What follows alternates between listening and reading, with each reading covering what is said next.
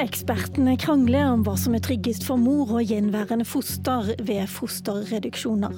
Men hva er helsefag og hva er politikk når abortloven skal endres? Vi følger anbefalingene fra fagmiljøet, sa helseministeren. Temaet var endringer i abortloven, og regjeringen fikk kritikk fordi lille KrF har flytta et stort flertall. Nå viser høringsrunden at størsteparten av fagmiljøet også er negativt til at kvinner som vil redusere ett av flere foster, først må forklare seg for en nemnd. I går kunne vi lese at det lille fagmiljøet som har støtta lovendringen, og som er det eneste i Norge som gjennomfører denne type aborter, får ramsalt kritikk fra en av verdens ledende eksperter på området. Og det er der vi skal begynne i Politisk kvarter i dag. For de en av verdens fremste eksperter på fosterreduksjon, professor Mark Evans ved Icon School of Medicine i New York, mener det norske miljøet overdriver faren for det gjenværende fosteret når de informerer kvinner som skal gjennomføre inngrepet. Norske kvinner får høre at de har 5-10% økt risiko for å abortere gjenværende fosteret om de fjerner ett. Dette kaller professoren høyst udiplomatisk for bullshit. Og da må jeg spørre Torbjørn Moe Eggebø, seksjonsoverlege ved St. Olavs, om dere feilinformerer norske kvinner samt den norske regjering? Nei, vi er ikke enige med Mark Evans. Mark Evans mener at fosterreduksjon ikke er en abort, men en medisinsk behandling.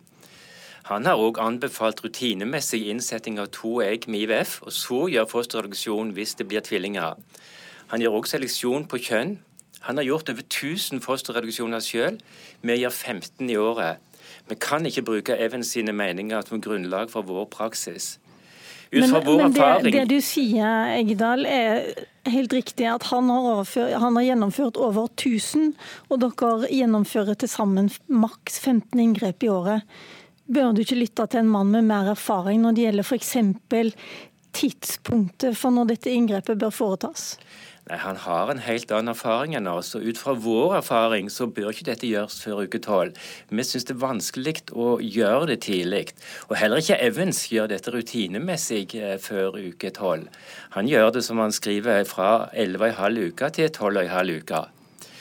og Vi bruker akkurat samme rutine som vi har med morkakeprøver. Vi gjør det i uke tolv. I våre ut fra vår erfaring er dette det tryggeste for kvinnene. Han sier jo også at det han legger aller mest vekt på, det er hva som er trygt for kvinnene og det gjenværende fosteret. Og Han mener jo også at dere overdriver faren for både kvinner og det gjenværende fosteret når dere sier at risikoen for abort er på 5-10 Mark Evans har publisert en studie med veldig lav komplikasjonsrisiko. Men det er en annen studie fra Nederland publisert i 2015 der de så på 118 kvinner med tvillingreduksjon.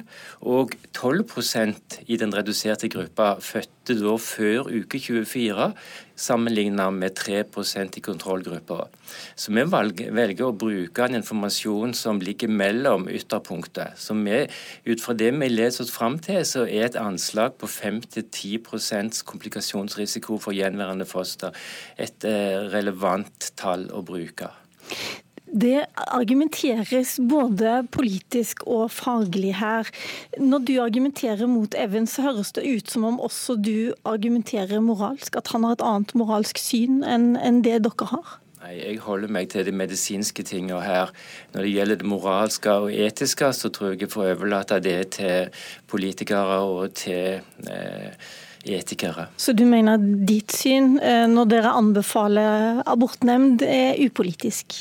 Jeg har sagt at inngrepet ikke bør utføres før uke tolv, og det er det jeg har uttalt meg om. Så du mener du er uenig med han da i at dette er vel så trygt å gjennomføre i uke 11, og grunnen til at jeg spør om uke 11 er jo fordi at det ville vært innafor den normale grensen for selvbestemt abort? Det vil være greit å gjøre det før uke tolv hos noen kvinner. Slanke kvinner kvinner med framoverbøyd livmor er det lettere å gjøre inngrepet enn hos kvinner som er overvektige og har bakoverbøyd livmor. Vi må ha et eh, system der vi kan gjøre det rutinemessig. Vi må ha grenser der vi kan gjøre det hos alle. Vi kan ikke ha noen regler for slanke kvinner og andre regler for kvinner som er overvektige. Og vi har funnet at det, i uke 12 opp imot uke 13 er det vi har gjort inngrepene så sent som mulig til uke 12. Og da har vi hatt erfaring med at da klarer vi de aller fleste tilfellene. Mm. Nå er Det sånn at eh, det har vært en høringsrunde om regjeringens lovendringsforslag.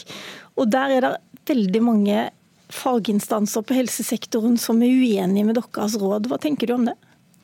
Jeg tenker at det er vi som har den praktiske erfaringen med dette. Men jeg kan godt forstå at de høringsuttalelsene som kom kritiske mot dette, de har først og fremst fokusert på abortloven og rettighetene til kvinnene. Og vi jo også, støtter jo abortloven. Men vi argumenterer ut fra de medisinske synspunkter her, og det er vi som har den praktiske erfaringen. Ok, La meg vende meg til Ingvild Kjerkol, du er helsepolitisk talsperson i Arbeiderpartiet. og Du har kalt eh, abortlovens endringer for en politisk hestehandel med kvinners kropp. Men nå hører du jo at eh, de som gjennomfører inngrepene i Norge står fast ved sin vurdering. Tror du ikke på dem? Eh, de har, som de selv sier ved St. Olav, begrensa erfaring. Dette er jo ikke et etterspurt inngrep. De norske mødrene eh, de føder sine flerlinger med forventning og entusiasme. Det er det store bildet. Men for noen så er det viktig å kunne ha abortloven som trygghet. Og Det gjelder jo abort, abortloven i stort. Den er til for dem som trenger den. Eh, og Jeg synes, eh, jeg har ikke noe lyst til å gå i noe polemikk med fagfolk, for dette er et miljø som har gitt veldig gode innspill til gode, gode Arbeiderpartistandpunkt om tidlig ultralyd, om assistert befruktning, om det å tillate eggdonasjon i Norge, som også KrF har fått lov til å sperre for. Så dette er et fagmiljø vi lytter til. Men i denne saken så lytter du mer til Mark Evans i eh, USA? Ja, når medisinere argumenterer for nemndbehandling, så er de inne på politikerne sin banehalvdel. Det må jeg bare være veldig tydelig på. For her handler det om hvem som skal gjøre det informerte valget. Skal det være kvinner, eller skal det være ei nemnd? Det er det innsnevringa i abortloven, eh, innskrenkninga av kvinners selvbestemmelse, det er det regjeringa har lagt fram. Bent Høie, helseminister, du har eh, lent deg veldig sterkt til eh, det nasjonale senteret som Eggebø er en del av. Fikk du litt eh, kalde føtter når du leste Dagsavisen i går, der Mark Evans, en av verdens ledende eksperter, altså sabler ned det miljøet du lener deg til? Nei, for vi var vel kjent med Mark Evans sitt syn. fordi at Dette var jo ikke et spørsmål som kom opp i forbindelse med denne endringen i abortloven. Dette kom jo opp i forbindelse med at eh, jeg fikk avklart eh, hvordan eksisterende abortlov skulle tolkes allerede i 2016. Det var jo en unnlatelsessynd fra Arbeiderpartiet som lot ut flere henvendelser fra fagmiljøet ligge i en skuff uten å gjøre noe med det, som jeg tok tak i. Det tror jeg du har sagt veldig ja. mange ganger i den debatten. La oss forholde oss litt til det nye her. Ja. Ja. og så, det, så, var det riktig at det som vi den gangen gjorde, det var å si at når det da juridisk ble åpnet opp for fosterreduksjon i Norge, så måtte vi ha noen faglige føringer for hvordan dette skulle gjøres. Men en av de tingene som Kan jo, jeg bare få si en ting? Fordi Du spurte meg om ble jeg overrasket over oppslaget i Dagsavisen. Ja. Det gjorde jeg ikke, fordi den diskusjonen ble tatt allerede den gangen, eh, når en åpna opp for fosterreduksjon i Norge, på hvilke vilkår og når dette skulle gjøres. Og Da var Mike Evans sitt syn eh, allerede kjent. Det ble gjort en jobb i Helsedirektoratet med det norske fagmiljøet, og en landte på den praksisen som Eggebø og St. Olav-miljøet den gangen anbefalte. fordi at her er det ulike okay, men La meg bare få si hva som overraska meg da når jeg leste det. fordi at Når jeg har fulgt debatten, så har jeg i hvert fall tenkt at det, det virker jo som et veldig vektig argument at det er såpass høy risiko for mor og det gjenværende fosteret ved fosterreduksjon. Og Akkurat det er jo hva Mark Evans mener er bullshit, at man i Norge overdriver den faren. Han sier faktisk at det er sikrere i mange tilfeller hvis man har trillinger og firlinger, å redusere antallet eh. Det gjelder også faktisk hvis man reduserer én av to tvillinger. Gikk ikke det inn på deg heller? Eh, nei, fordi vi gjorde en jobb knytta til det faglige allerede som sagt i 2016. Og vurderingene ut ifra de både norske, men òg de andre internasjonale miljøene utover Mike Evans, kom til en annen eh, konklusjon. og Det er òg det som vi har eh, lagt eh, til grunn. Og så er det jo sånn at de andre faglige høringsinnspillene Men det er vel en realitet at uh, i Nei, USA er, er det flere altså, som, uh, så, på, innenfor, det, innenfor det medisinske miljøet så er det ikke sånn at fordi om én medisiner sier noe annet, eh, så er det det som er riktig.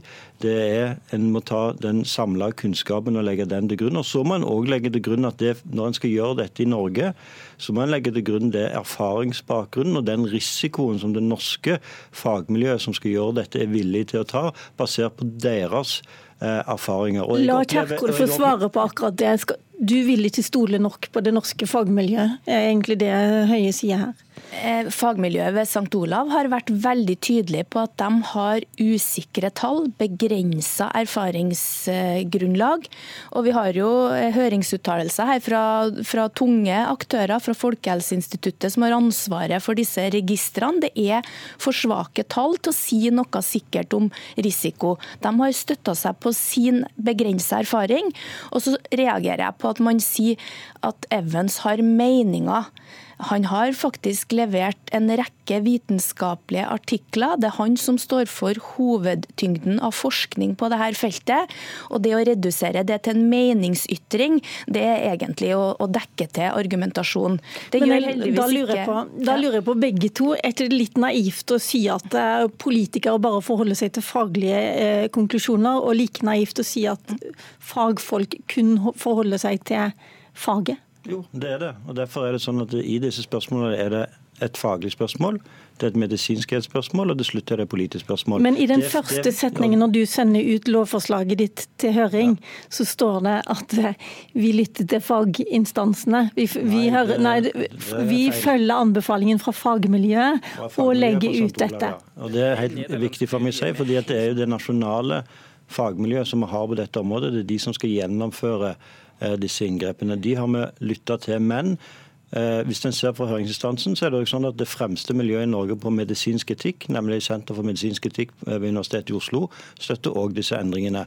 Og så er det sånn at jeg, opplever ikke, jeg opplever ikke at det er faglige innvendinger fra fagmiljøer i Norge til de vurderingene faglig som miljøet på St. Olav har gjort. De innvendingene som kommer til høringsinstansen, om, omhandler andre spørsmål enn nettopp det spørsmålet som Helse, Helsetilsynet er imot. De er jo, men det er ikke på bakgrunn av det spørsmålet som Eggebø har uttalt seg faglig om, nemlig når aborten skal gjennomføres. Helsetilsynet er ikke uenig i den vurderingen. Eggebø er ikke i studio her, han, sitter, han er med oss fra Trondheim. Men eh, du ville komme inn på Eggebø? Ja, jeg vil understreke igjen det at den studien som vi nylig har sett fra Nederland, har helt andre tall enn det Evans eh, presentere. Så det men er åpenbart vel også mindre, er det ikke det? Jo, men vi må forholde oss til små studier. For vi kan aldri komme i nærheten av sånne tall som det Evans eh, publiserer. Vi kan aldri nærme oss hans erfaring i dette. Men er det ikke er ikke det relevant da, at noen har 1000 eh, aborter og det, noen har 115?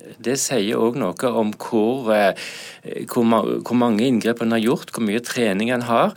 Men jeg vil òg si at Even sine publikasjoner er ikke bare disse 1000 inngrepene han har gjort. Der har han relativt små tall å vise til.